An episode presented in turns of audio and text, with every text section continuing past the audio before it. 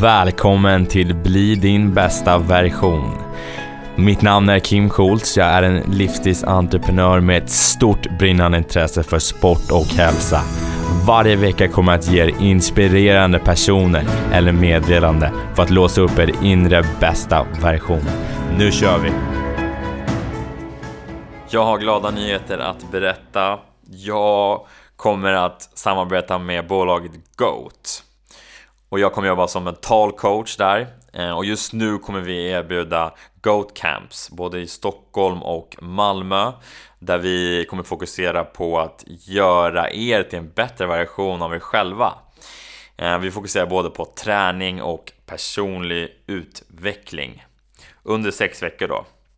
Och vad man kommer få under de här sex veckorna det är både screenings, det är 18 utomhusträningar med våra hälsocoacher. Ni kommer få 12 individuella träningsprogram av våra hälsocoacher, inspirationsföreläsningar. Eh, ni kommer få inspirationsföreläsningar i träningslära, självledarskap och person, fysik och kompetens som vi jobbar med på GOAT. Och sen kommer jag också att coacha er. Eh, ni får två coachingtillfällen med mig. Och vi kommer såklart följa upp hur det går för er. Ni kommer få göra dagliga reflektioner och så vidare. Vårt mål är att göra er till en bättre version av er själva. Tycker ni att det här låter intressant så kostar allt det här, det är väldigt billigt för 18 träningstillfällen, två tillfällen med mig, liksom det är flera inspirationsföreläsningar, då kostar det 4 495 kronor. Och vill ni veta mer om det här så gå in på goatsports.se goatcamp. Jag kommer lägga den här länken i kommentarerna. Wow! Den här veckan har jag med en förebild som är Christer Olsson. Han är en av Nordens mest bokade föreläsare och han är årets talare 2019. Han är coach till några av de mest erfarna ledarna. Christer pratar mycket om att vilja, utveckling och ständigt lärande är viktigt för vår lycka och framgång. Han har bland annat skrivit böckerna Du lever så länge som du lär och Vart är du på väg och vill du dit? I det här avsnittet kommer ni få höra Christer berätta sin historia där han berättar hur en person förändrade hela hans tankesätt och öppnade upp hans värld. Hur han utåt hade lyckats med karriären och livet men själv inte var lycklig. Vi pratar om 80-20 principen i relationer samt om varför vi människor försöker vara perfekta. Vi kommer även in på hur vi kan känna att vi duger och bli mer trygga i oss själva. Christer berättar om hur du kan bli ditt sanna jag och nå din oväntade potential. Vi pratar om hur vi kan gå från att veta till att göra och hur vi kan må bra och prestera. Det här avsnittet är, är det så jäkla bra. Det kommer ut så många bra saker ur det här samtalet som alla kan applicera i sitt liv. Och jag är så tacksam att jag fick med Christer i, i podden. Och som, eh, som Christer säger så kan man behöva pausa ibland för det, det är långa svar Ehm, i, i, i, i det här samtalet. Men det är, det är så bra, han, han förklarar på ett så bra sätt som man bara jäklar vad det här är bra och det känns så himla, det stämmer. Och han har gjort den här resan och så, som han själv säger att det, han har byggt sin affärsidé på sunt förnuft och det, det köper jag verkligen. Alltså det är sunt förnuft mycket av det jag säger, man förklarar det så jäkla bra. Och nej, det är så häftigt. Jag bara hålla på nu, men utan vidare babbel. Eh, här är Christer Olsson. Då har jag med mig nu Christer Olsson. Välkommen! Tack så hemskt mycket. Hur, hur mår du? Jag mår sällsynt bra. Jag vaknade på Öckerö, Göteborgs skärgård, eh, i morse. Badade i havet, 13 grader. Eh, då vaknar man kan säga det är underbart. Jag har lärt mig av Alexander att man ska bada kallt ja. eh, på morgonen. Det gör jag. Och sen har jag fått flyga upp här och har en eh, härlig arbetsdag och få träffa dig och andra spännande människor. Just det. Så alltså Göteborg i morse och nu Stockholm och börja med, vad hände, vad hände när du tar det kallbadet då? Ja, det är en underbar liksom, känsla i kroppen. Det rusar till så att säga. Man får den där, jag ska inte säga att jag tycker det är jätteskönt alltid när jag kliver ner i vattnet. Men den där magiska känslan efteråt när man kommer upp på bryggan eh, och liksom värmen strömmar till liksom i den här kalla kroppen och sen utedusch på det. Mm. Då, då är man svårslagen på dagen sen. Så att jag vaknar inte i Göteborg, jag vaknar på Öckerö i Göteborgs okay. skärgård. Ja, förlåt, okay. ja, så jag har till och med åkt bilfärja ja. och sen Landvetter och så upp. Ja, det fascinerar mig att man kan få leva ett sånt liv och ändå vara i Stockholm och jobba så mycket som jag gör. Mm, just det. Eh, jag intervjuade nyligen, eller intervjuade, samtalade med Peppe Ekmark. Ja. Han, han har lyssnat på dig. Inte om du känner till? Jo, mycket, mycket väl. Ja, okej, okay, vad kul. Han berättade om en, en princip som du hade som han eh, tydligen, alltså 80-20 principen. Att du älskar, du hade sagt det i någon föreläsning i sammanhanget, du hade sagt så här, men 80% så älskar jag min fru och sen kan jag 20% kan jag leva med. Ja. Hur, hur har det kommit sig? Den... Nej, Jo, det kan jag faktiskt berätta hur det har kommit sig. Ja. Eh, för den bilden kommer... Jag, jag, jobbar ju väldigt mycket med ledarskap, ledningsgrupper, ledning, ledningsgruppsutveckling och individcoachning av chefer och ledare. Och eh, jag har jobbat jättemycket med IKEA genom åren. Jag var i Älmhult eh, och jobbade med Ikeas kundservicecenter där nere. Och då hade de en chef som heter Marie Gustafsson. Hon är nu chef för varuhuset i Umeå. Mm. Eh, kanske du till och med lyssnar, eh, Marie. Eh, är det någon annan från Umeå så får ni gå in och hälsa Marie från mig. Eh, för det var hon som var originalet i den här bilden. När jag pratar med ledarskap, då pratar jag ofta om att en ledare i väldigt många organisationer, inte bara i politiskt tillsatta organisationer, behöver eh, gilla minst 70 procent av de besluten de ska verkställa. 30% måste du acceptera. Att det har någon annan fattat beslut som inte du nödvändigt gillar. Men det är ditt arbete som chef och ledare att verkställa de besluten. Högsta chefen i privata organisationer heter ju till och med verkställande direktör. Det är en människa som verkställer beslut. Och jag har ett resonemang kring då när jag jobbar med ledarskap och vi kan resonera kring olika saker och i politiskt styrda organisationer kan det vara liksom stora utmaningar faktiskt. Så att eh, jag kan ha en politisk uppfattning som går rakt emot vad den politiska majoriteten för närvarande beslutar och så här. Eh, och det är något som intresserar mig mycket. Och då pratade jag om det här. Och vi förde en dialog då, Marie och jag, om det här. Ja, men det gäller ju egentligen ganska mycket, liksom det här med 70-30 och så här. Och, um, och så, så att ja, det är 80-20, Paretos liksom 80-20 princip och sådär. Um, och, ehm, och då pratar vi om det här med acceptans mellan människor och, och, och, att det här handlar också om att acceptera sina medarbetare och sådär. Och det gick eh, på, på kvällen sen, det här var en tisdag, så gick Marie hem till sin eh, man. Eh, och så sa hon att, att, eh, att eh, Rickard, jag vill prata med dig. Ja visst, eh, pratar vi kan väl prata medan vi lagar mat. Nej, jag tror inte det är så lämpligt, sa Marie. Nej, vadå? När det gäller vår relation, jag har fattat ett beslut. Jag tror det är klokt om du sätter dig. Och han liksom, men vad är det som har hänt? Jo, men jag, jag, jag, jag, vi har en ledarskapsutbildning med Christer Olsson och han pratar om relationer på ett sätt som fick mig att, att tänka till. Och jag har tagit en lång promenad på väg hem från jobbet idag. Och eh, jag har faktiskt fattat ett beslut, Rickard, så jag tror det är klokt om du sätter dig. Så han satte sig, hon också. Så sa hon, Rickard, det är så här, bara så du vet. Jag älskar dig till 80 procent och resten har jag valt att acceptera. Och nyckelbudskapet här är, och resten har jag valt att acceptera. Alltså alldeles för många människor. Och sen den dagen, och det här är liksom 15 år sedan, så har det blivit en liksom devis för mig. Ehm, och jag var ju på samma idé redan från början, men jag hade inte uttryckt den så tydligt som Marie satte den. Eh, och det är verkligen någonting jag menar, för jag pratar mycket om olikheter i samverkan. Och ska olikheter kunna jobba ihop, då måste vi lära oss att acceptera varandra. Och det finns inte två parter. Du kan inte älska någon till 100% hela livet, allt som den gör och tycker och tänker. Och det pratar jag ofta om också med min egen fru, avseende min egen fru. Liksom. Hon är en stark, självständig kvinna. Och så sådan gör och tycker och tänker hon ett antal saker som jag inte gillar. Det är ju det jag gillar. Jag gillar ju att hon är stark självständig, men inte alltid det hon gör när hon är det. Mm. Men du kan ju inte få det ena utan det andra. Och den är så viktig att förstå. Eh, och jag pratar mycket om det här att, att eh, om fler människor hade lagt samma mängd energi på att lära sig att leva med varandras olikheter som de lägger på att göra dessa till likheter, hade de levt ganska lyckliga liv. Och då kommer acceptans in. Eh, acceptera dig själv som du är, acceptera andra som de är. Eh, och så säger jag inte att du ska acceptera allt. 80-20 är ganska bra. Men ta bort det där som du irriterar dig på. Välj att acceptera. Det, det är faktiskt en gyllene regel. Både hemma och på jobbet och med vänner och andra. Jag är jätteglad att, att, att, att jag inte har en perfekt fru, för jag är ingen perfekt man. Jag är väldigt glad att jag inte har perfekta barn, för jag är ingen perfekt pappa. Jag är väldigt glad att jag inte har perfekta kollegor, för jag är ingen perfekt kollega med det som grundkänsla så blir livet mycket enklare faktiskt.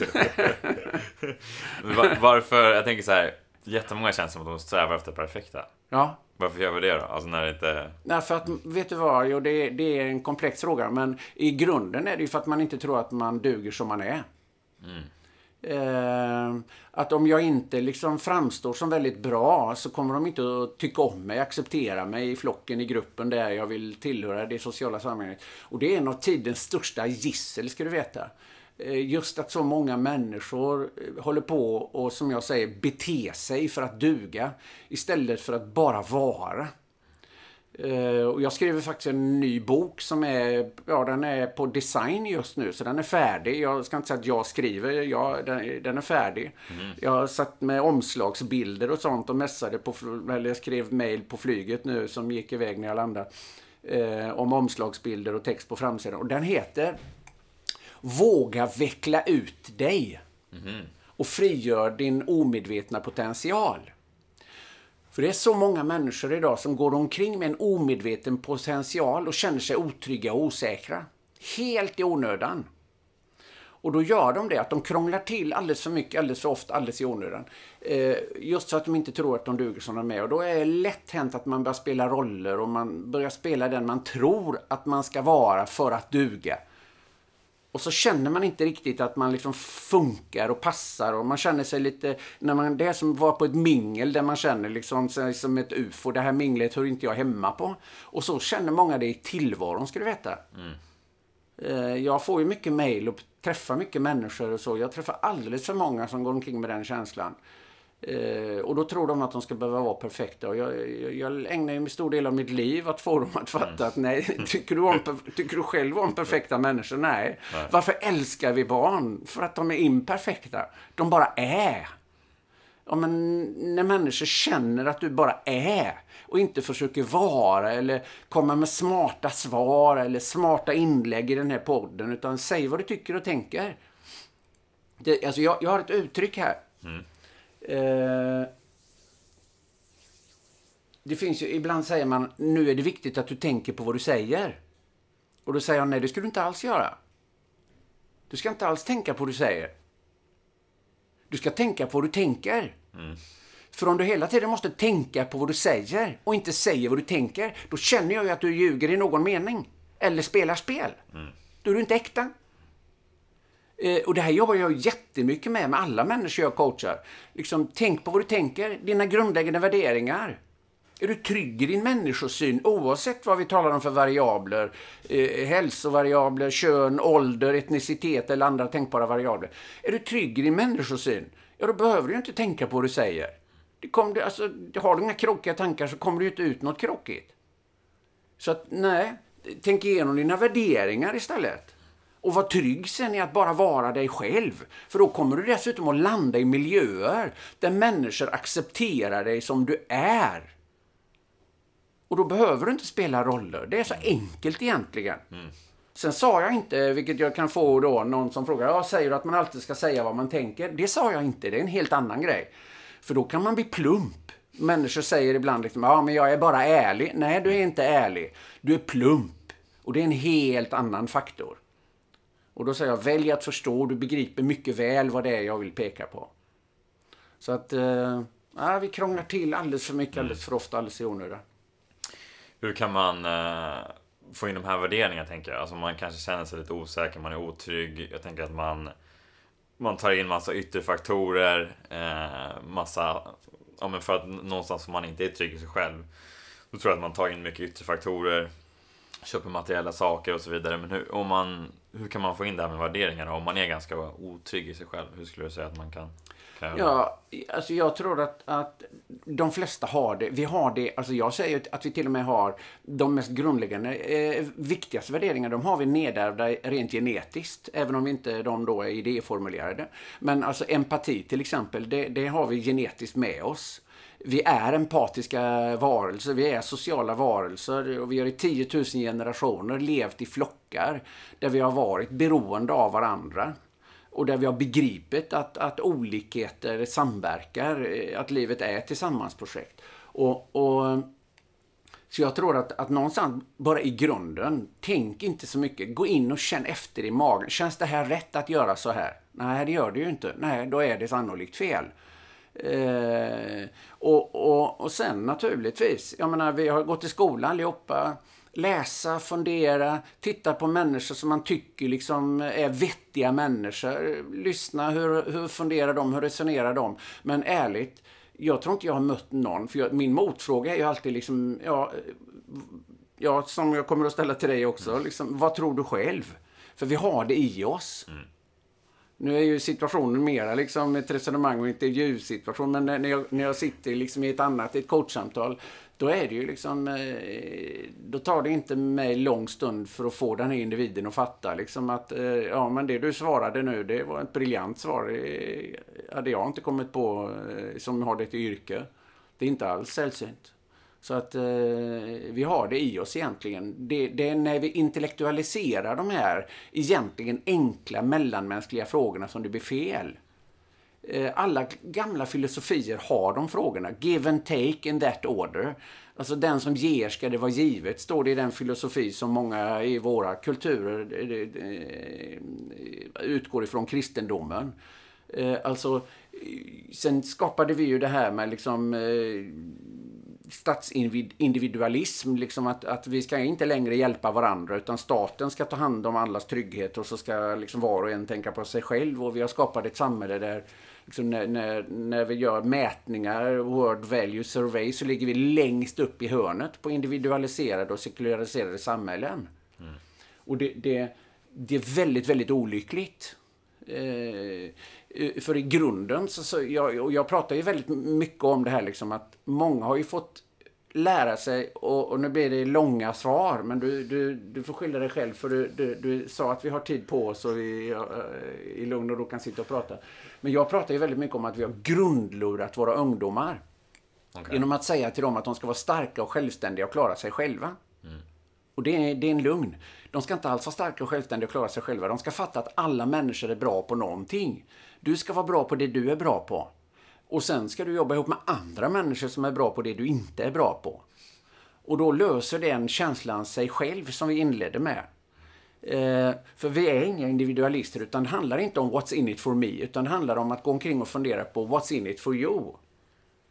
För om jag kan tillföra dig värde, om jag kan vara värdefull för dig, då får ju du fundera på liksom, ja men vänta ett tag, det här var ju ett väldigt värdefullt samtal jag hade med honom. Hur ska jag kunna få fler sådana samtal? Ja, då får du liksom ställa frågan. Mm. Och då har du ett problem och inte jag. Men problemet utgår från att jag har gjort mig värdefull, eller hur? Mm. Så att den, och det är några sådana grundläggande, basala idéer. Har man bara fattat de idéerna mm. så blir det väldigt okomplicerat sen. För om du gör dig värdefull för en annan människa, då, då, då har du flyttat intresset från dig till den. Medan alldeles för många går omkring och funderar på liksom, hur ska jag få ut någonting av det här och vad kan jag vinna på den människan och vad kan jag tjäna på honom och är det en, viktig kontakt, är det en nyttig person att känna? Det är livsfarligt. Tvärtom då? Tvärtom. Mm. Ja, det där tycker jag är jävligt intressant att du säger det, för jag har själv funderat på, på just de grejerna, att Sverige känns som ett jäkligt individualistiskt samhälle. Ja, ja.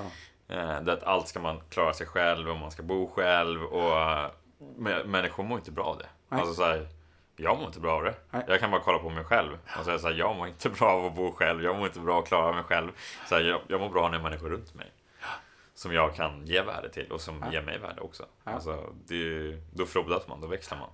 Det finns de som mår bra, alltså i, i ensamhet, det gör jag också. Men det är mm. för att jag har mitt sociala sammanhang. Eh, jag har min familj, jag har min liksom tribe, jag har min stam, jag har mina tillhörigheter. Mm. Kanske till och med flera stammar där jag får vara liksom en del i. Och det gör ju att jag också trivs väldigt bra att vara ensam. Så det är också ibland när jag möter mig, äh, men jag älskar att vara ensam. Mm. mm. Intressant. Och så ställer jag tre frågor till. Ja, då visar det sig att den här personen ingår ju i tre, fyra starka sociala system. Och det går ju an att säga att du tycker det är okej okay att vara ensam då. Men att vara ensam, ensam, det är inget kul. Mm. Att inte ha den där stammen. Utan att alltid gå hem, stänga dörren och känna Nej, det finns ingen att ringa. Nej, det är inte så att jag inte hänger på gänget ikväll. För det finns inget gäng. Mm. Det är något helt annat. Och det är olyckligt. Mm. och det är väldigt många som är där i vårt samhälle. De är, jag brukar säga att väldigt många jag pratar med får mail ifrån, de är omgivna av människor men känner sig ändå ensamma. För att, att jag har människor runt mig innebär ju inte att jag inte känner mig ensam. Mm. Då tänker du att mannen kanske inte är, har värdefulla relationer då? Eller? Ja, eller det du, den frågan du var på från början. Mm. Att man inte känner att man passar in.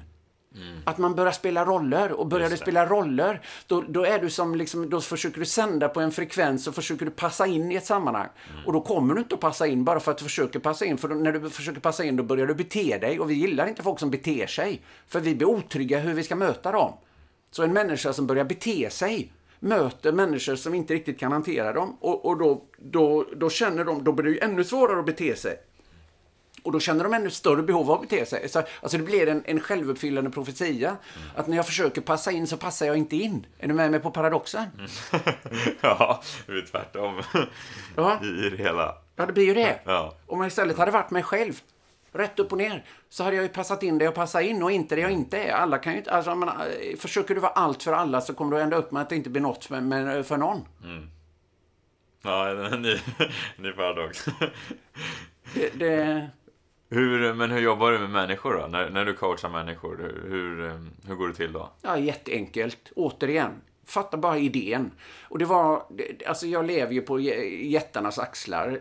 Det mesta kloka är redan tänkt och sagt.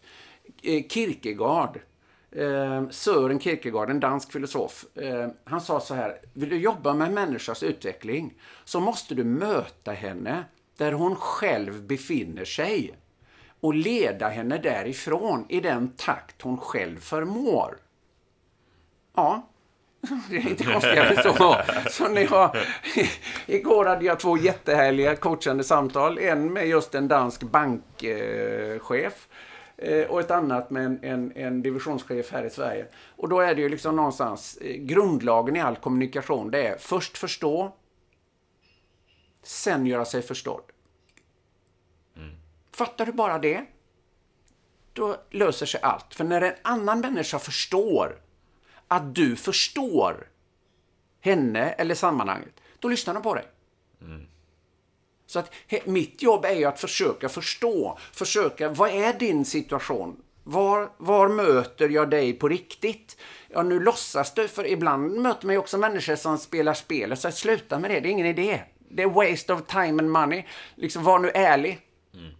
Och det, det, min mamma dog när jag var fyra år gammal. Eh, hon dog 30 år gammal när jag var fyra år gammal. Eh, och, och, pappa var fiskare, så jag lämnades i främmande eh, hem. Pappa hade inget val, han var ute till havs. Jag bodde mycket hos farmor och farfar, det är därför jag bor i farmor och farfars hus nu. Det är liksom, jag bor i farmor och farfars hus, det är mina rötter. Där hade jag min barndom, mycket. Men jag bodde också hos andra familjer när pappa var ute fiska. Och vad behöver en fyra femåring Jo, han behöver kärlek och mat i nämnd ordning. Så vad blir en, en, en fyra femåring som lämnas i främmande hem? Jo, han blir jätteduktig på att känna efter. Hur ska jag få kärlek och mat här? Han blir sensibel och det blir jag också. Och någon kan kalla det högsensibel. Jag, jag, Erik From sa en överdriven styrka blir en svaghet och det är en balans. Men jag, jag, jag har skrivit några böcker. Min nuvarande är min femte som kommer ut här i november-december. Eh, min första bok heter Vart är du på väg och vill du dit? Men min andra bok heter Du läcker vad du tänker. Det går ändå inte att fejka. Och, och, och, när, jag coachar, alltså, när jag coachar människor, du har inte en chans att ljuga för mig. Jag känner direkt när folk börjar gidra. Och då säger jag det, ärligt talat min vän. Liksom, ja, ja, det här var ju rätt svar, men det var inte ditt svar. Ja. Så ta det från början nu och så, och så säg vad du tänkte själv. Det här var ett korrekt svar och det lät jättebra. Men det här var inte ditt svar. Kan du inte ta ditt svar också nu då? För det var rätt det du sa, fine och intellektuellt och det har du läst i någon bok. Men nu vill jag höra vad du tycker själv. Är du med mig? Alltså att möta, och och då söker jag ju, var möter jag denna människa? Eh, och så försöker jag ju då eh, resonera och dialoga och, och i den mån jag skulle kunna vara en, en, en, en, en partner på, på promenaden framåt i livet, några steg, så försöker jag ju vara det. Just det. Du är inne lite på, på din egen story där. Kan inte du berätta lite om eh, hur det kommer sig att du började jobba som coach, föreläsare, det du gör idag? Hur, vad är din story? Väldigt enkelt.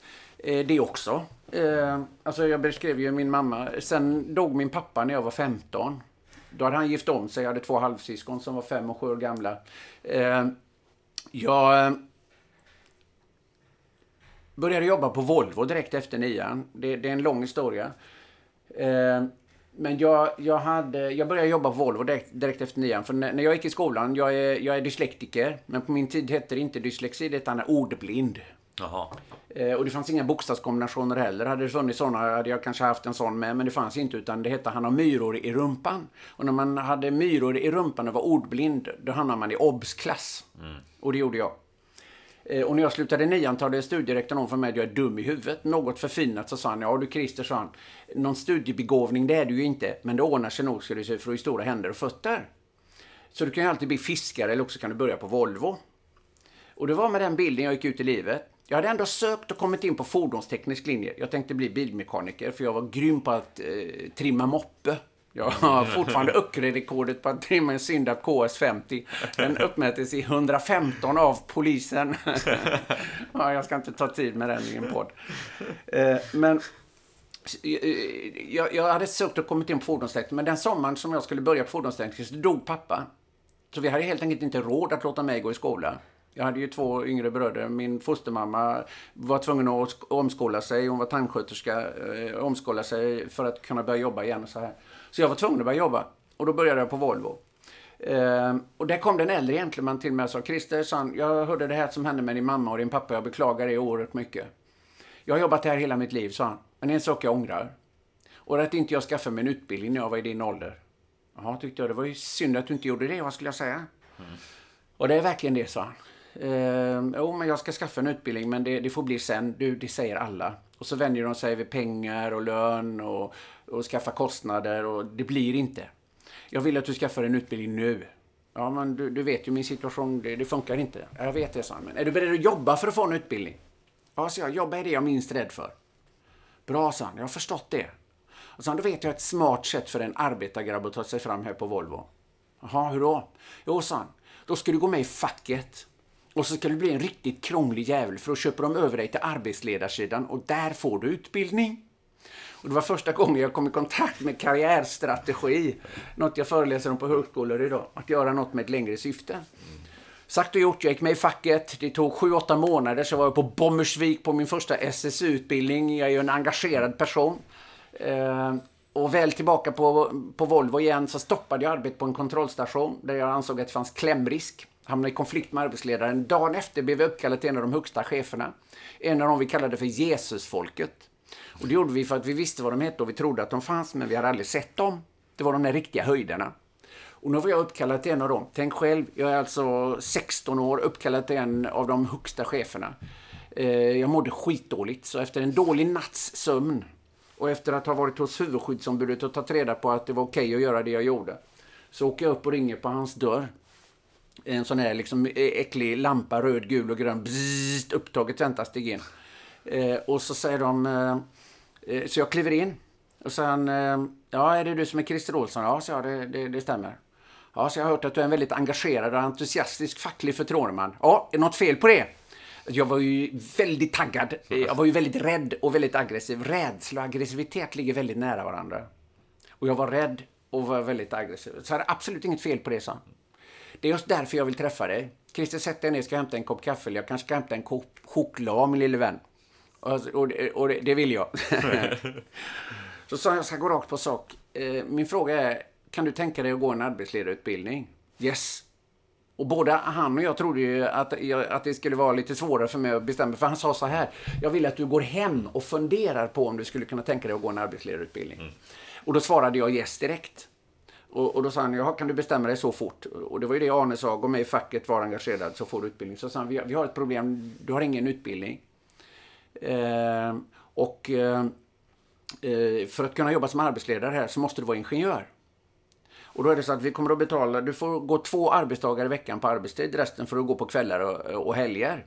Och vi kommer att betala allt material, men du får göra lite tester och sådär, men det ordnar sig nog. Och det gjorde det. Så då började jag läsa ingenjörsexamen på Volvo. Och det var ellära först. Volt och watt och ampere och starkström och svagström och likström och växelström och omslag och jättespännande grejer. Mm. Och vi labbade. Jag älskade det. Men och det fanns ju liksom, det, det fanns ingen obsklass på Volvo. Uh, ingen visste någonting om min bakgrund. Och jag var så stolt, jag var så mallig. Jag gick där med de andra vuxna och jag var den yngste som hade gått den här utbildningen och, och jag var så glad. Eh, och jag funkade ju, jag var ju van vid att mecka moppe och jag kunde ju elet och liksom det här. Och det gick jättebra för mig. Men så kom verkligheten ikapp mig, vi skulle ha prov. Skit också. Nu skulle jag avslöjas. Och glömmer aldrig klumpen i magen. Järnvägar. Nu är det kört. Så jag väntade tills alla hade gått. Och så gick jag fram till läraren och sa, vad händer om man inte klarar provet? Jag har lite problem med det här med att läsa och skriva och jag är lite trögfattad. Då säger han något jag aldrig glömmer och jag vill berätta det i den här podden. Av någon anledning, baserat på vad du berättar om din egen bakgrund, mm. så har vi några som lyssnar där ute som det här kan betyda någonting för, även om det är en lång historia. Eh, men då säger Alby någonting, så säger han, Christer, säger han, eh, det, det, det, jag har haft ögonen på dig ett bra tag. Eller jag kanske snarare ska säga öronen. Och så Christer, du lär dig inte som andra. Och så han, du, du sa att du är obegåvad. Det är du inte. Du är en av de mest begåvade eleverna jag någonsin har haft. Ingen hade under nio år i skolan sagt något motsvarande till mig. Ingen! Någonsin! Och jag blir berörd bara jag pratar om det. Eh, och sen han, Christer, olika människor lär sig på olika sätt. Och så förklarade han för mig visuell, auditiv och taktil, alltså se, höra, göra. Att vi har olika inlärningsstilar. Han förklarade att olika människor lär sig, alla människor lär sig i alla tre systemen. Men du har en dominerande inlärningsstil i ett av de här tre systemen. Se-inlärare, det är de som lär sig teoretiskt abstrakt. De vi brukar skoja om, sitt still, läs, lär, tum, glöm. Eh, och så har du höra-inlärare. Och hos, jag brukar säga att hos höra-inlärare så uppstår tanken i munnen. Det är de som behöver prata om det de ska lära sig. De älskar att resonera, dialoga, föra samtal. Då lär de sig. Och jag, jag brukar också om du tittar på, det är de som oftare än andra ändrar sig. Ehm, eh, de säger någonting så hör de själva att det här var lite tokigt när jag ändrar mig. Mm. men det är också de som du kan se när de säger något smart. Det där var smart, det får jag skriva upp. Mm. Eh, och, och, och, för de hörde det själva för första gången. Och det är typiskt hörainlärare. Och så har du göra-människor. Det är de som lär sig i verkligheten. Och jag har jobbat med flera projekt med människor med min egen bakgrund. Och där kan jag se dem till exempel lära sig mer matte i en ICA-kassa på en vecka än på ett år i skolan. Mm. För då är verkligheten på plats och då lär de sig. Mm. Och när jag fattade det här, att om jag bara får lära mig på mitt sätt, kan jag lära mig vad som helst. Det förändrades hela mitt liv. Det var the turning point, the sliding door, vad du vill. Och jag är för evigt tacksam, liksom, Alby för det här. För jag gick färdigt min ingenjörsutbildning och, och, han hjälpte mig. Och jag fattade liksom att om jag bara får lära mig på mitt sätt kan jag lära mig vad som helst. Sen läste jag ekonomi, högekonomi, specialkurs. Sen eh, läste jag marknadsekonomi och så vidare. Och gjorde karriär. För då kom jag ju på att det finns inget rätt sätt. Och jag fattar ju det här. Eh, och det är ett av mina viktigaste budskap till er som lyssnar på den här podden och till dig. Det är att fatta, för det var, då är vi tillbaka på det vi pratade om förut. Att alldeles för många går omkring och beter sig för de tror att det finns ett rätt sätt. Det finns inget rätt sätt.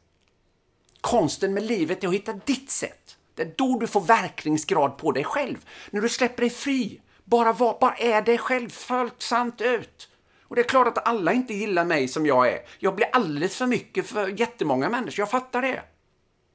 Men där jag funkar, där åstadkommer vi ärligt talat remarkabla resultat. Och där jag inte funkar, ja, där är jag inte. Vi är, alla älskar inte samma människa, tack och lov. Därför finns det många, det finns en för alla, oavsett vad vi lever och bor i för könskonstellationer och andra konstellationer, tänkbara konstellationer. Alltså, det, det, det, finns inget rätt sätt att leva ett liv på. Jag hatar det. det all, du måste hitta ditt sätt. Och det handlar om allt ifrån eh, din, din egen identitet, hitta den. Var ditt sanna jag och acceptera ditt sanna jag. Och det, det, och det fattade jag i det ögonblicket. Och jag fattade hur grundlurad jag hade blivit. Eh, för att i och med att jag inte lärde mig på rätt sätt så trodde jag ju att jag var fel och korkad och alltihopa. Men jag fattade liksom, och det blev en mission för mig från den stunden. Det började med att jag åkte hem till min gamla rektor och ringde på och sa, jag vill prata med dig.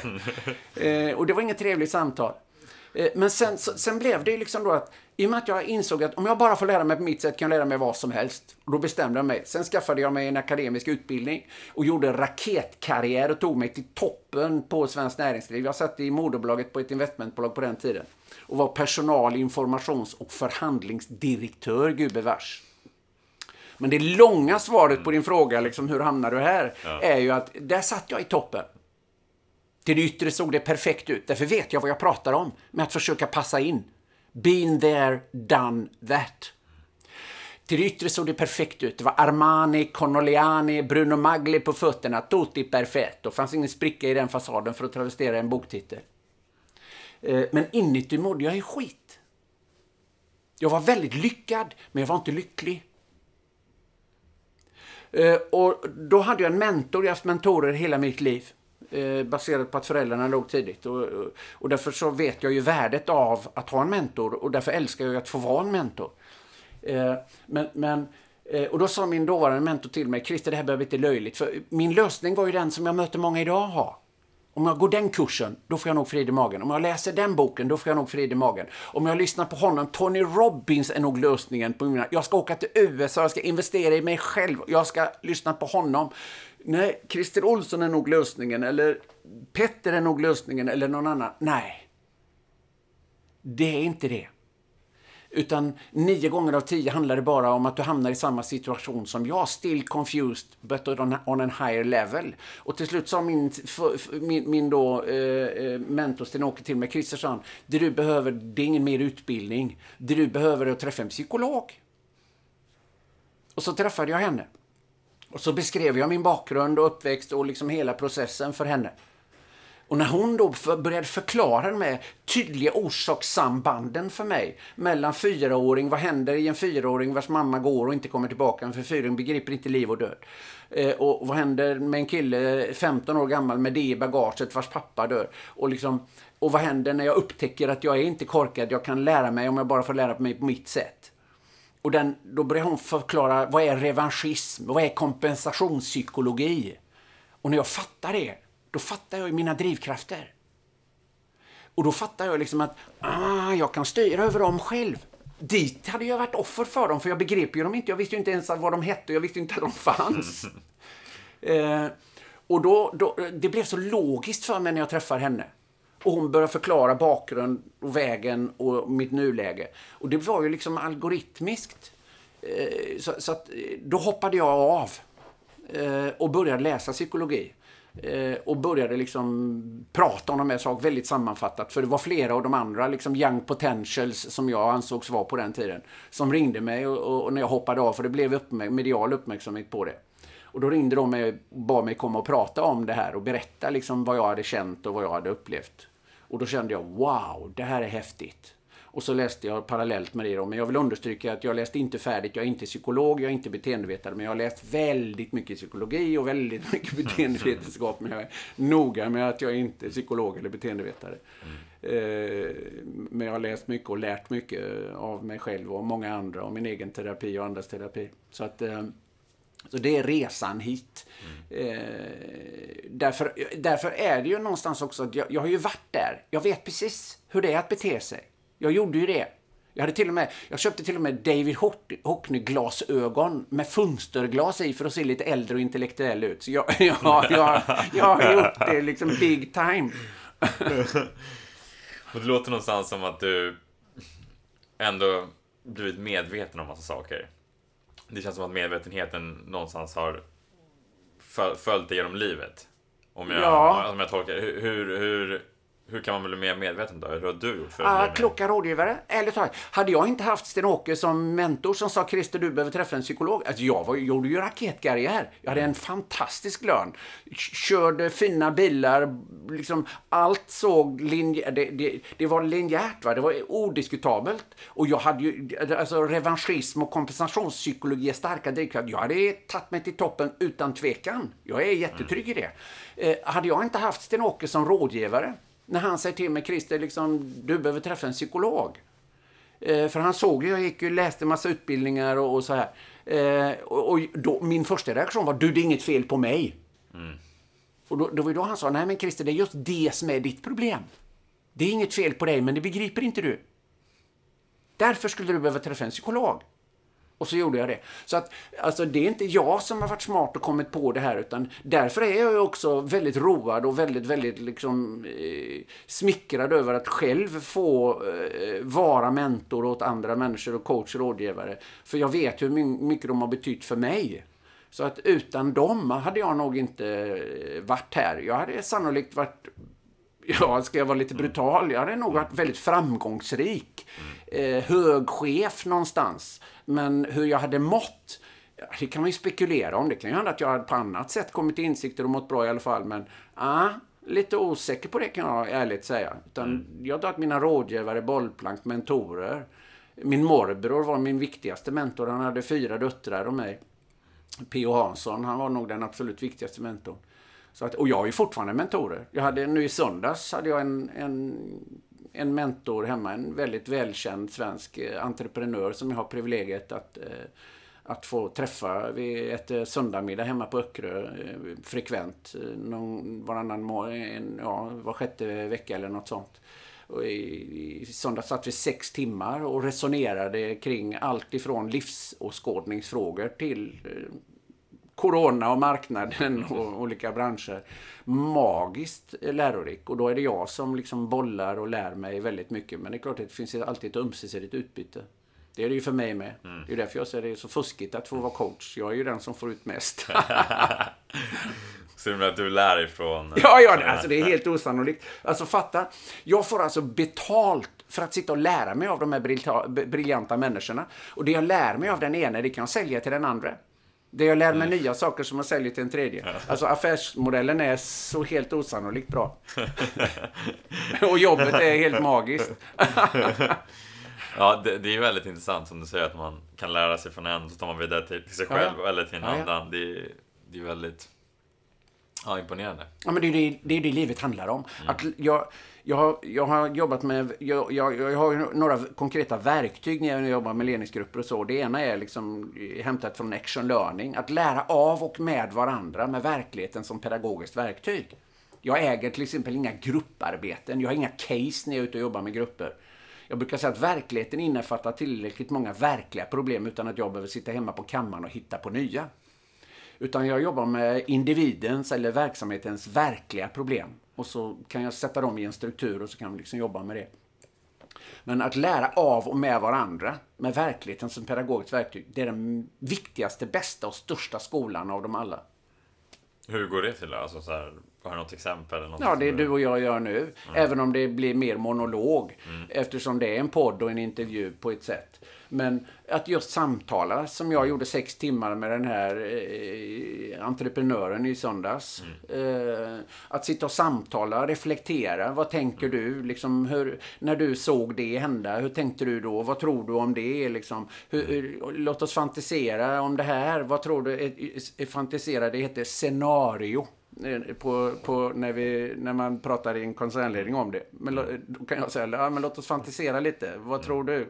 Så här kan jag tänka. Hur tänker du? Hur tänker du? Liksom, och så kan vi utbyta tankar och idéer. Och det jag säger är mycket också att vardagssamtalet är ett lärande. Tricket är att varje dag ställa sig frågan, vad har jag lärt mig idag? Om du varje dag ställer dig den frågan så kommer du upptäcka att varje dag har du lärt dig någonting. Men om du inte ställer dig den frågan, vilket alldeles för få gör, då kommer du heller inte att se vad du har lärt dig. Och då kommer du att lära dig en massa saker som du inte vet att du har lärt dig. Och då kommer du att veta en massa som du inte vet att du vet. Och då riskerar du att tro att du bara vet det du vet att du vet. Och då får du aldrig reda på hur mycket du vet men inte vet att du vet. Och då är vi tillbaka till kärnan på min nästa bok. Alltså våga veckla ut dig och frigör din omedvetna potential. För i och med att väldigt många människor lär sig varje dag utan att veta vad de lär sig. Så blir de omedvetet kunniga på en massa områden som de ju då per definition inte vet eftersom de är omedvetna om sin lärprocess. För jag säger så här att en oreflekterad erfarenhet är ingen erfarenhet. För att, eh, för att man inte är medveten om den då, eller? Ja. ja. För du gör erfarenheter men du tänk, ägnar den ingen energi och tanke. Mm. Och det är samma med en kunskap, en omedveten, oreflekterad kunskap, ingen kunskap. Utan det är ju därför det finns en studiemetodik. Det är väldigt få, de finns ju med fotografisk men det är väldigt få av oss som ska tenta någonting på universitetet. Som läser en bok och sen går till tentan. Mm. Mm. Utan du läser, eh, läser om, gör understrykningar, försöker förstå vad är det liksom väsentliga, försöker förstå vad är det de vill ha ut, vad är det, alltså du reflekterar mm. kring det här. Just det. Uh, vad intressant, för det där, där jobbar jag med, jag jobbar också med, jag jobbar som mental coach och har några, några klienter och där jobbar jag med dagböcker med dem. Ja. Och då är en av frågorna, vad har du lärt dig idag? Ja, klokt, mycket är, klokt. Bara det att du för dagbok, vilket jag gör, mm. vilket jag också rekommenderar mina eh, coaches att göra. Mm. Så det är en väldigt bra idé du gör där. Det är en jätteklok, det är nog den största nyttan du gör, kan jag tala om för dig. För den gör de ju för sig själva när de sitter och reflekterar. Mm. Men du ger dem verktyget och du följer upp verktyget och du stämmer av att de... Så att det är jättebra. Det är mm. nog bland det, det, är bland det nyttigaste jag gör för mina i alla fall. Mm. Jag är också intresserad så här. Många många som jag pratar med, alltså jag tänker, inklusive mig själv, vet ju oftast vad de behöver göra. Ja. Men gör inte. Nej. Varför, hur kan man gå från vetande till ett görande? Ja, det här gör jag ju en stor grej av. Min senaste bok heter ju Du lever så länge du lär, om konsten mm. att gå från veta till göra. Mm. Det, det, det, eller min bok nummer tre, min fjärde heter Skolcoachboken, men trean heter det Att gå från veta till göra. Och jag pratar ju mycket om det här att jag träffar väldigt många människor, de vet allt de behöver veta. Mm. Den, alla, det är min utgångspunkt när jag möter någon. Alla vet att vi ska äta varierat, att vi ska sova, att vi ska motionera. Eh, alltså alla vet. Mm. Alltså problemet är inte att de vet. Problemet är att de inte gör det de vet att de redan borde ha gjort. Mm. Och det är därför jag allt oftare idag kallar mig för professionell tumutdragare. för många jag träffar har båda inne samtidigt dessutom. Eh, för de vet det. Jo, jag vet. Jo, jag vet. Jo, jag vet. Det är ju ständigt mina samtal. Men varför? Jo, det är några saker. Det ena är att allting som du kan fixa nu. Vi har blivit så vana och framförallt helt frankt då från en gammal farbror. Ungdomen idag, de är så vana vid omedelbar behovstillfredsställelse. I princip alla behov kan du tillgodose via din telefon idag. Kunskap eh, finns ett Google-klick bort. Eh, mat finns ett, ett klick bort från en app.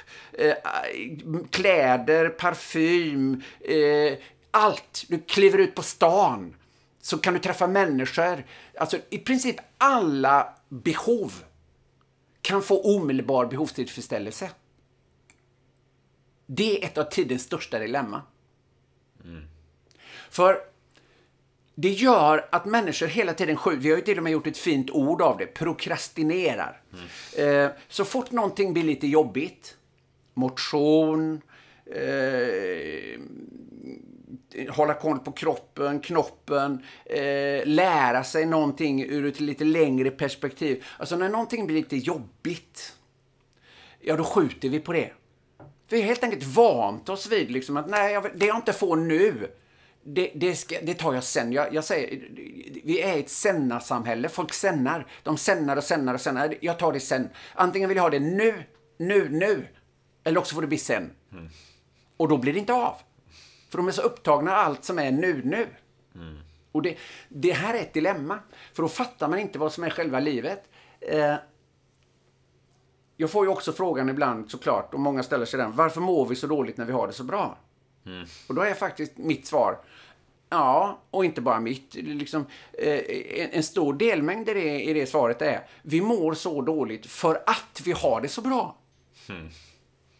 vi är faktiskt gjorda för att lösa problem. Alltså i 10 000 generationer vaknar vi på morgonen och det största problemet var hur ska jag få mat idag?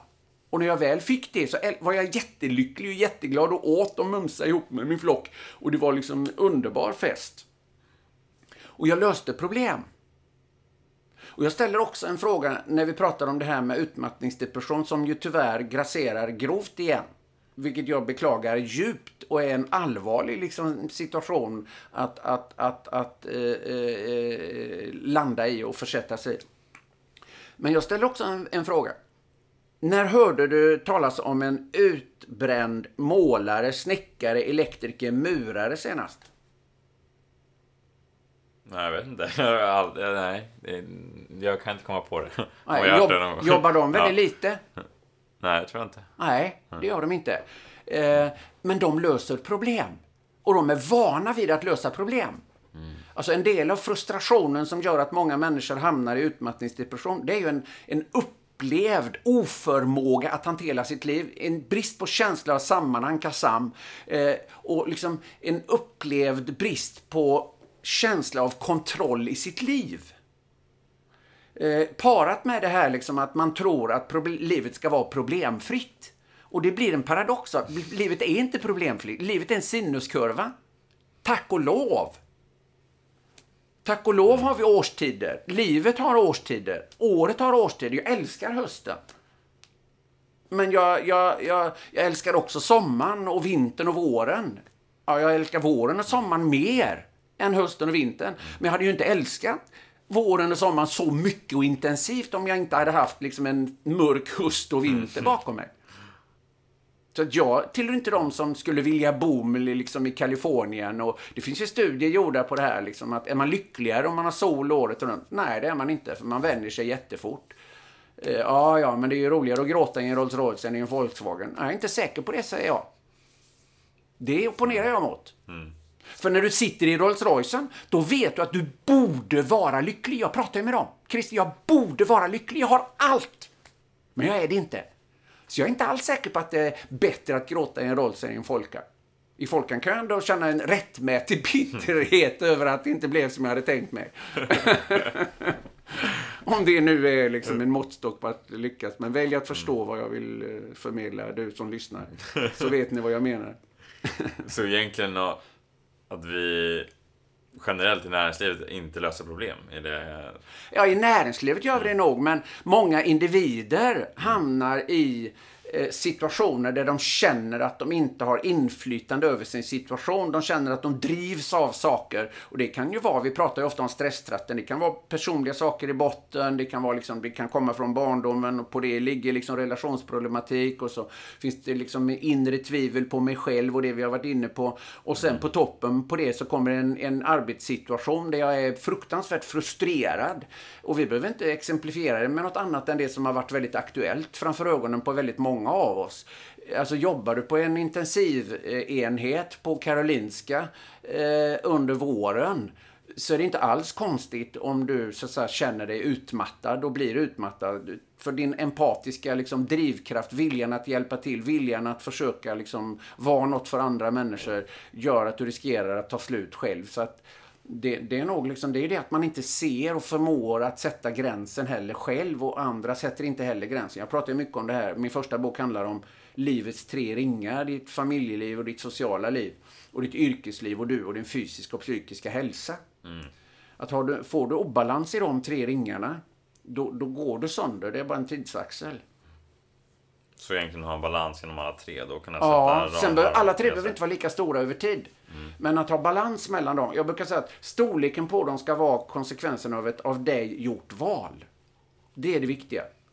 Eh, jag har ju haft perioder i livet där jag har haft en väldigt stor arbetsring och Karina då har haft en, en mindre arbetsring och en större social ring och, och tvärtom. Eh, Karina försörjde mig när jag liksom läste vidare då, det jag beskrev i början. Eh, då, då, då jobbade hon jättemycket och försörjde mig och jag liksom fick läsa Eh, och, och sen skojar jag om det. Liksom, hon, hon, finansierade hela mina studier och gjorde en tung investering. en bra investering. Ja, det visade sig bli liksom bra return on investment på den. men, Eh, alltså, så, men däremot har vi pratat om det här att okej, okay, nu, är, nu, är, nu, är, nu är min arbetsring väldigt stor. Jag tror det är svårt, det, när vi hamnar i konflikter i relationer, det är när bådas eh, arbetsringar har behov att vara stora samtidigt.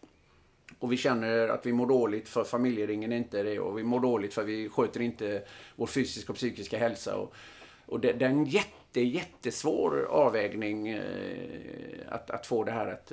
Det är därför man behöver prata om det. Mm. Det här ordnar sig inte vid fredagskycklingen. Utan man behöver man marschera det. Och det är det jag beskriver jättemycket i min den Vart är du på väg och vill du dit? Eh, de här tre ringarna. Och att, jag menar, sen när jag fick tre söner så har jag inte längre tre ringar, jag har ju 15 ringar. Mm. För först var det mina tre ringar, så var det Karinas ringar och så blir det Gustavs ringar och Viktors ringar och Ludvigs ringar. Så att, och nu är det liksom eh, tre barnbarn och två eh, svärdöttrar. Eh, så att idag har jag 30 ringar. Mm. Det, det, är en del. Ja, för att det är ett system. Om någon av dem mår dåligt så påverkar det hela systemet. Ja, du mår aldrig bättre än dina barn. Och idag har jag fått lära mig att jag mår inte heller bättre än mina barnbarn. Mm. Så att... Eh, Tillbaka till flocken. Ja, mm. så är det. Och det är därför är flocken så viktig för oss allihopa. Så att... Eh, mm. Just det. Men om vi kommer tillbaka till lite så här må bra och prestera. Är det någonting mer du vill här, tillägga där än, än, vad, än vad du har sagt? För jag tror Nej, är... bara just det som du säger. Att fatta att, att idén är det. Alltså, jag pratar mycket om, jag säger att, att ledarskap är att förstå på djupet av sig själv. Att, att leda är att skapa resultat genom andra. Man har ett antal medansvariga. Eh, och idén med att leda, det är att hjälpa dem att må och prestera bättre i nämnd ordning. För mår du inte bra och presterar, så kommer du gå sönder förr eller senare. Och om du bara mår bra och inte presterar kommer du inte funka i marknadsekonomi. Utan vi behöver tillföra värde. Vi vill vara behövda. Vi vill göra någonting. Sen behöver inte det. Det kan vara ideella organisationer. Alltså att tillföra värde behöver inte vara liksom ett kommersiellt utbyte nödvändigtvis. Men vi behöver befinna oss i ett sammanhang där vi får tillföra värde. Det tror jag ju väldigt, väldigt mycket på. På olika sätt. Eh, men, men så att, eh, att, att må och prestera i nämnd ordning. Jag, jag tror till exempel inte på idén om pension. Mm. Nej. Utan eh, jag, jag är väldigt evolutionspsykologiskt. Alltså pension är ett väldigt modernt begrepp. Det var liksom när Taylor kom på att vi ställde fabriksarbetare på en rad och så lärde vi dem en hundradelsbil och alltihopa det där. Och sen skickar vi hem dem innan de går sönder. Jag tror ju att i den mån, jag har en enorm respekt för människor, om vi säger eh, yrkesarbetare som tar slut i kroppen, vårdmänniskor eh, som tar slut i kroppen eller terapeuter som tar slut i knoppen. Alltså människor som arbetar ut sig. Enorm respekt för det. Men alla vi andra, då tror jag på att jobba ålders och hälsoanpassat livsvarigt. Eh, idén har aldrig varit liksom att du ska jobba till en viss punkt, sen ska du göra ingenting. Eh, jag tror livet är just precis som Hasse och Tage pratade om, som en påse, väldigt tomt och innehållslöst om man inte fyller det med någonting. Och det kan man göra. Det finns många liksom som går i pension och fyller livet med väldigt meningsfulla saker. Men jag tror man behöver göra det. Jag tänker inte gå i pension. Nej. Jag ska jobba ålders och hälsoanpassat livsvarigt. Så länge, mm. jag, så länge någon vill ha mig så kommer jag... då kommer du Ja, då kommer jag. Och jag är så, ja, jag är så också inspirerad över en, en man jag respekterar högt. Eh, och som är så stor att han till och med kom på en av mina föreläsningar. Eh, Kai Pollak. Mm. Eh, han, han, han, han är ett bra exempel på det här. Han är liksom eh, ett antal, ska vi inte sitta här och avslöja människors ålder. Jag är 63 och han är en bra bit mer än 10 år äldre än mig kan jag säga. Ja. Eh, och fortfarande en stor inspiratör och förebild för väldigt många. Han är en förebild för mig. Han är också en målbild för mig. Mm. Att kan han vara så gammal som han är och så inspirerande som han är på sitt sätt så ska jag vara det på mitt sätt. Det, det tycker jag är fascinerande. Så jag, det finns inte min... För jag får ju frågan ibland. Ja, men Christer, du behöver ju egentligen inte jobba liksom längre om du inte vill. Nej, det behöver jag inte. Ja, men när ska du sluta jobba då? Alltså, det, den frågan är så dum. Jag har aldrig haft så bra kontaktytor. Jag har aldrig heller liksom känt att jag har så mycket att ge. Jag lär ju mig hela tiden. Och det jag lär mig jag har ju dessutom implikation på en förhoppningsvis större massa än någonsin. Så att det, det, det, det, man, det, jag är ju bara road av att lära mer och förstå mer och mer och mer. Så att... Eh, På tal om det då, vad, vad vill du lämna efter dig? Vad jag vill lämna efter mig? Mm. Eh, människor som säger han betyder något för mig. Utöver min familj så att säga som är trygg i liksom att jag har ju mina barn. Det, det viktigaste jag lämnar efter mig är ju liksom mina barn såklart och mina barnbarn. Eh, mitt rent så att säga, biologiska, fysiska eftermäle. Men, men därutöver så att säga, som yrkesperson så är det min dröm liksom det här att, att, eh, att, jag, att människor liksom så att han, han, han gav mig en, han sådde tankefrö hos mig. Att jag har fått betyda, om bara så lite, men att få betyda något för andra människor, att finnas och ha fått betyda någonting för andra människor. Det, det, det, det, det låter väldigt anspråksfullt men det, det är det jag eh, det är det jag brinner för. Mm. Och det är det jag tickar, alltså det, jag får ju feedback ärligt talat. Jag får ju mail och jag får, och det är ju det som kickar mig något makalöst. Jag får ju sån energi av de här mailen och den feedbacken jag får. Eh, och det är just det att jag har fått betyda något för någon. Och det är ett behov vi har allihop. Behovet att vara behövd. Det är tillbaka till det här. Mm. Till den sista frågan då. Hur tror du att man lever ett bra liv?